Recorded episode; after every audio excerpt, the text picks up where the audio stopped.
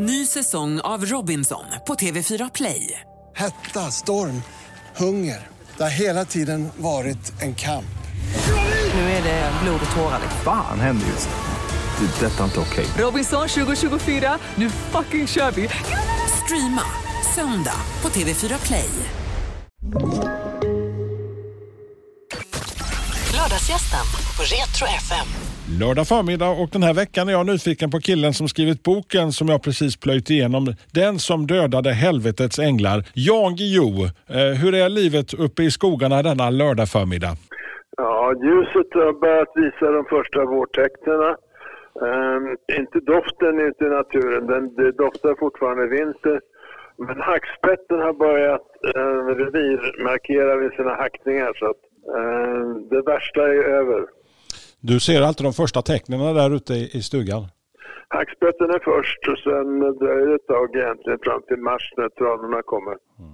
Du, eh, alltså, det är snart 40 år sedan Carl Gustav Gilbert Hamilton klev in i folkhemmet och nu är han en glad folkpensionär tillsammans med sin vapendragare Erik Ponti. Alltså, känns det inte märkligt att det har hunnit bli 40 år med karaktärerna?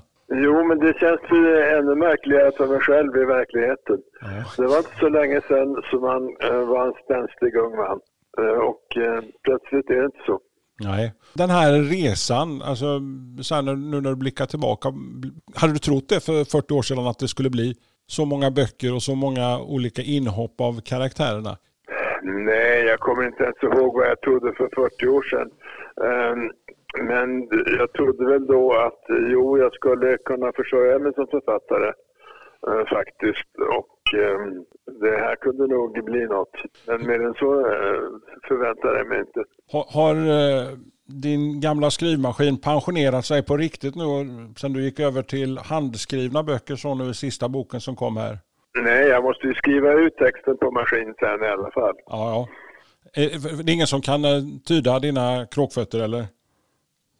Ja, men eh, det, är möjligt, men, men, eh, men det är vad som händer när man skriver om en text från början är att man gör många fler förändringar än vad datorskribenterna gör. Så att det blir, eh, det, jag ska ändå skriva det en gång till av det skälet, och, så att det är inget besvär. Alltså research har ju alltid varit en stor del av ditt författande. Alltså du har lagt otrolig kraft, tidsödande och spännande gissar jag på, men eh, inte så mycket research i sista boken här nu Jan. Nej, verkligen inte. Det är, det, är ett, det är ett nytt tillstånd. Men eftersom det handlar mycket om pensionärens tillstånd och jag är pensionär så eh, sitter ju researchen så att säga i min egen kropp. Men alltså, du skriver ju, alltså det, är lite, det känns ju lite som en, din lilla coronadagbok på något vis. Erik Ponti berättar för oss sin resa under det här året. Alltså är, det, är det som din egen lilla dagbok för de, de här två åren som vi snart har levt med den här märkliga basilusken? Ja, jo, det är alltså eh, det är ju en, eh, vad ska vi säga, en liten bonus att eh, kunna skriva om den samtiden eftersom eh, eh,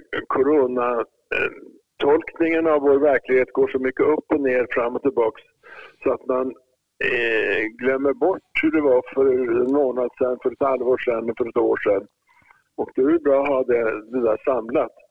Eh, Exempelvis eh, den norska hånfullheten och överlägsenheten gentemot Sverige när Sverige hade fler dödsfall än Norge och mer, smitt, eh, mer, mer smittspridning. Som om det berodde på liksom, eh, norsk vetenskap. Eh, och nu är det tvärtom eh, på, på många sätt. Skandinavien ligger i, i topp i världen för tillfället när det gäller att, att eh, vara lindrigt drabbat. Eh, men eh, medan länder som England, Frankrike och Tyskland, Spanien och Italien då enligt norskt synsätt skulle vara dummare än vi svenskar.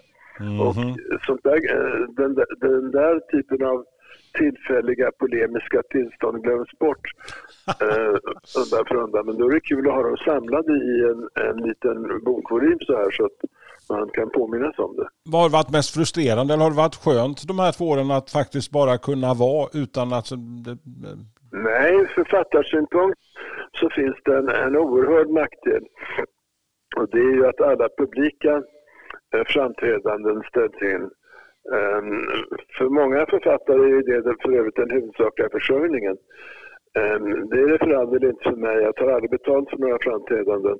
Men, men ehm, jag saknar ju den här publikkontakten därför att då, blir ju den enda kontakt med yttervärlden eh, sverigedemokratiska hatpelare på nätet som ger då ett intryck att jag är en av Sveriges mest avskydda personer. Och så att säga motgiftet, eh, vaccinet, är, är borta, nämligen att eh, träffa hundra glada människor på ett bibliotek då och då. När, när du eh, satte eh, där vid skrivmaskinen och började hamra fram det stora århundradet så sa du att det här skulle nog bli det sista du skulle göra. Det blev det inte riktigt så. Nej, jag hade sista stora projektet. Men eh, när jag var klar med det eh, förra året så inträffade en sorts eh, bonustillstånd. Jag har inga skyldigheter att fullfölja någon ny serie. Jag är inte bunden av någon faktisk historieskrivning. Eh, Jag känner till alla regler som finns, tror jag, när det gäller författeri. Och nu kan jag strunta i dem fullkomligt, göra precis vad jag vill. Och bryta mot reglerna och ha kul. Och det, det måste jag säga att det, det är ett helt nytt författartillstånd eftersom jag har skrivit så disciplinerat under de senaste 20 åren. Är det inte lite läskigt att kastas ut på gungflyt då eh, i det läget? Jo vars, men det är det är mera kul än läskigt. Hur är det att skriva för hand? Det har jag lite grann kanske med, med att du har slitit ut dina stackars gamla händer när du har hamrat på skrivmaskinen genom åren. Nej, man sliter nog mera på hand genom att skriva för hand. Men eh, vad jag tror mig ha upptäckt är att eftersom det går långsammare att skriva för hand än på eh, allehanda teknik så eh, anpassar sig då författandet till det faktum att man också tänker långsammare som äldre. Och på, något sätt så stämde handen bättre med hjärnan än de här snabba tangenterna, tror jag. Fast detta vet jag verkligen inte så mycket om, utan det är bara en känsla. Mont Blanc, alltså, vi får ju, alltså det finns ju såklart andra pennor ska vi säga i sann public service-anda. Eh, Men, men Ja, ja, just det. är det, är det alltså, behagligt? Alltså det ser väldigt, ser väldigt behagligt ut när jag har sett eh, dig på tv sitta och skriva med den. Jo, men det du har sett är då inte författarpennan som är tunnare ehm, och lättare utan du har sett signeringspennan som är stor och tung. Och det är den därför att då, ehm, då blir påfrestningen på handen minimal. Ehm, och men sitter man och skriver väldigt snabbt, snabbt, snabbt, ivrigt, ivrigt, ivrigt i över en timme med en signeringskö så ska man ha en penna som, som inte gör något motstånd. Däremot så går det inte att skriva eh, anteckningar med den för att eh, handstilen blir oläslig. Men det gör ju inte så mycket när man bara ska skriva några få ord i sin anteckning. Så den pennan har en, en mycket speciell eh, funktion sedan Bokmässan 1986. Ny säsong av Robinson på TV4 Play. Hetta, storm, hunger. Det har hela tiden varit en kamp. Nu är det blod och tårar. Fan händer just nu. Det. är Detta är inte okej. Robinson 2024, nu fucking kör vi! Streama söndag på TV4 Play. Ett poddtips från Podplay. I fallen jag aldrig glömmer djupdyker Hasse Aro i arbetet bakom några av Sveriges mest uppseendeväckande brottsutredningar.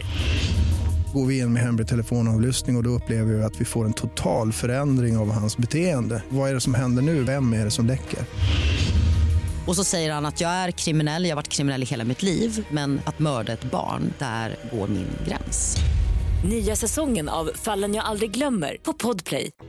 Han har bytt eh, sin, eh, sitt automatvapen mot en eh, krycka, en kamouflerad krycka eh, och det är en nyopererad höft. Eh, Hamilton 2022 eh, honom. Ja, alltså han är ju 67 år fyllda och är eh, så när på den här utslitna höften en förstås ovanligt spänstig eh, 67-åring.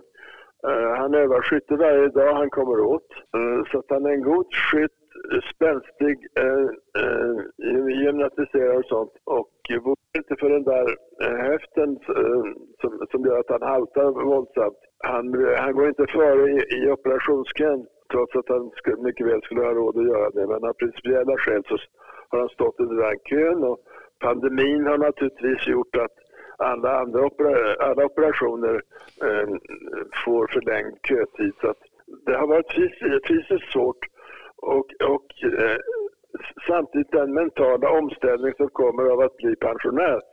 Eh, jag minns hur jag fick erbjudande om kurser i, i kreativt skrivande för pensionärer. Och i, i sataniskt ögonblick tänkte tacka ja till det erbjudandet. Men insåg sen att det hade ju varit lite taskigt mot läraren kanske i den eh, kursen. Eh, Hamilton har just fått erbjudande om eh, luftgevärsskytte för pensionärer.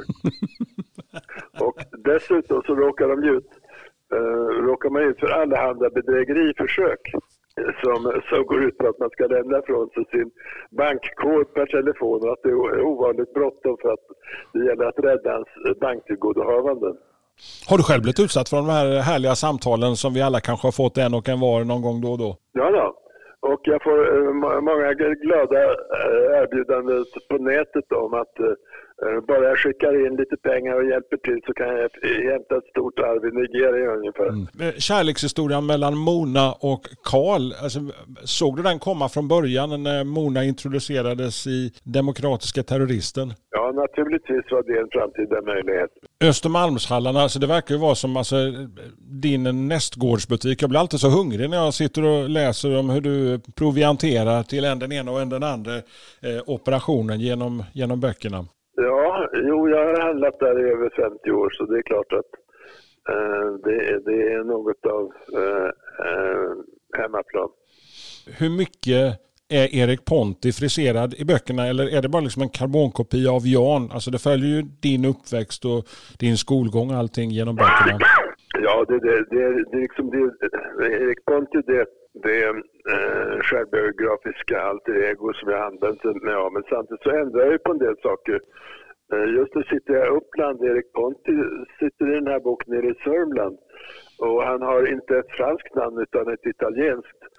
Ehm, han kör italienska bilar, vilket jag aldrig skulle falla mig in på den tiden jag bara körde franska bilar och sånt där. Så att det, um, jag ändrar på en del detaljer liksom för att markera att det här, eh, det är klart att det är mina erfarenheter. Det är klart att Erik Pontus och jag själv är, står varandra, är varandra mycket lika. Men det är trots allt roman. Vad väntar det här året när vi väl får komma ut ur den lilla coronakuvösen? Ja, jag hoppas ju på att, att eh, den fysiska publikkontakten för författare kan återupptas. För som sagt, det är eh, vaccin mot näthatet.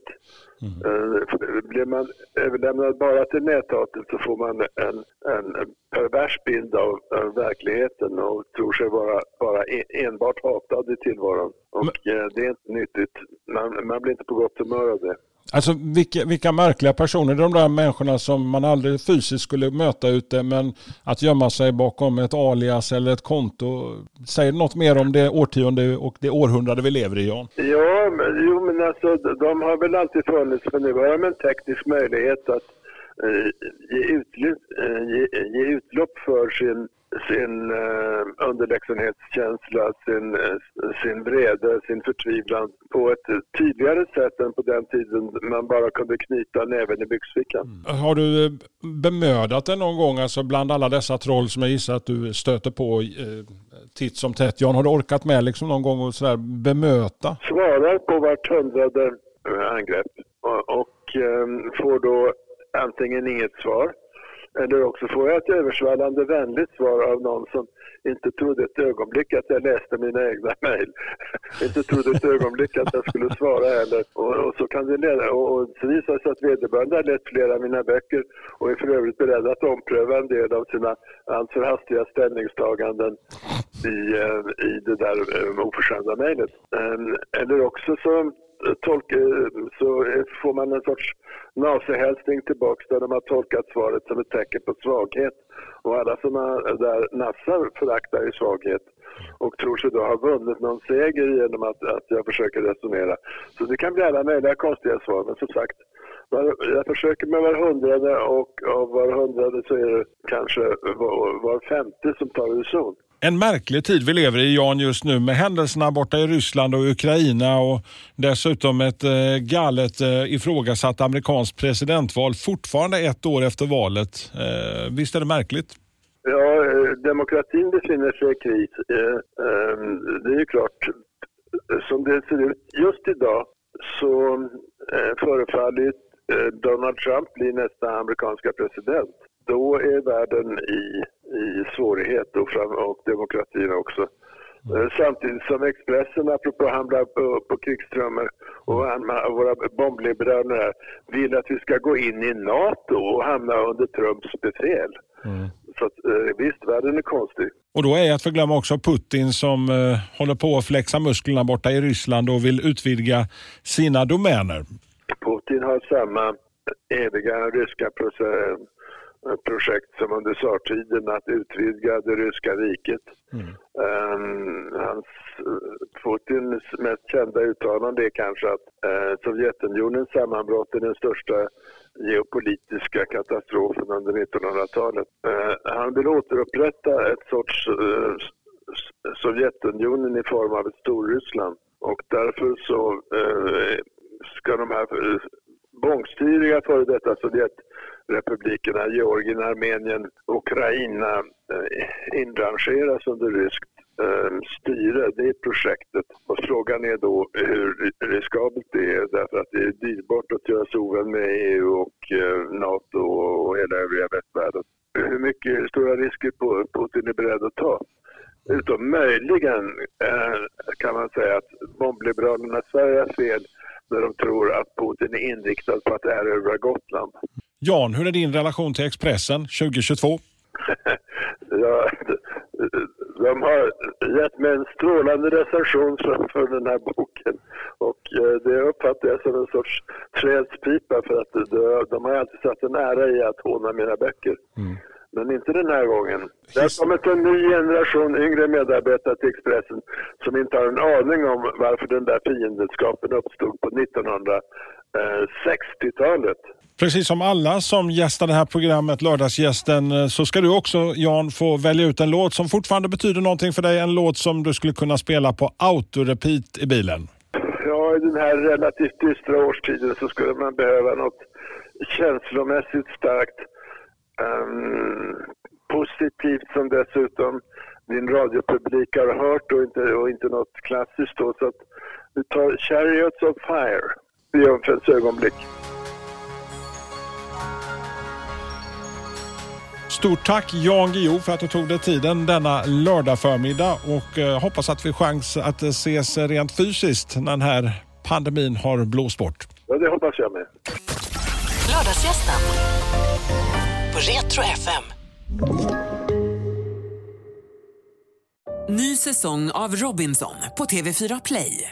Hetta, storm, hunger. Det har hela tiden varit en kamp. Nu är det blod och tårar. Fan händer just. Det. är Detta är inte okej. Robinson 2024, nu fucking kör vi! Streama söndag på TV4 Play.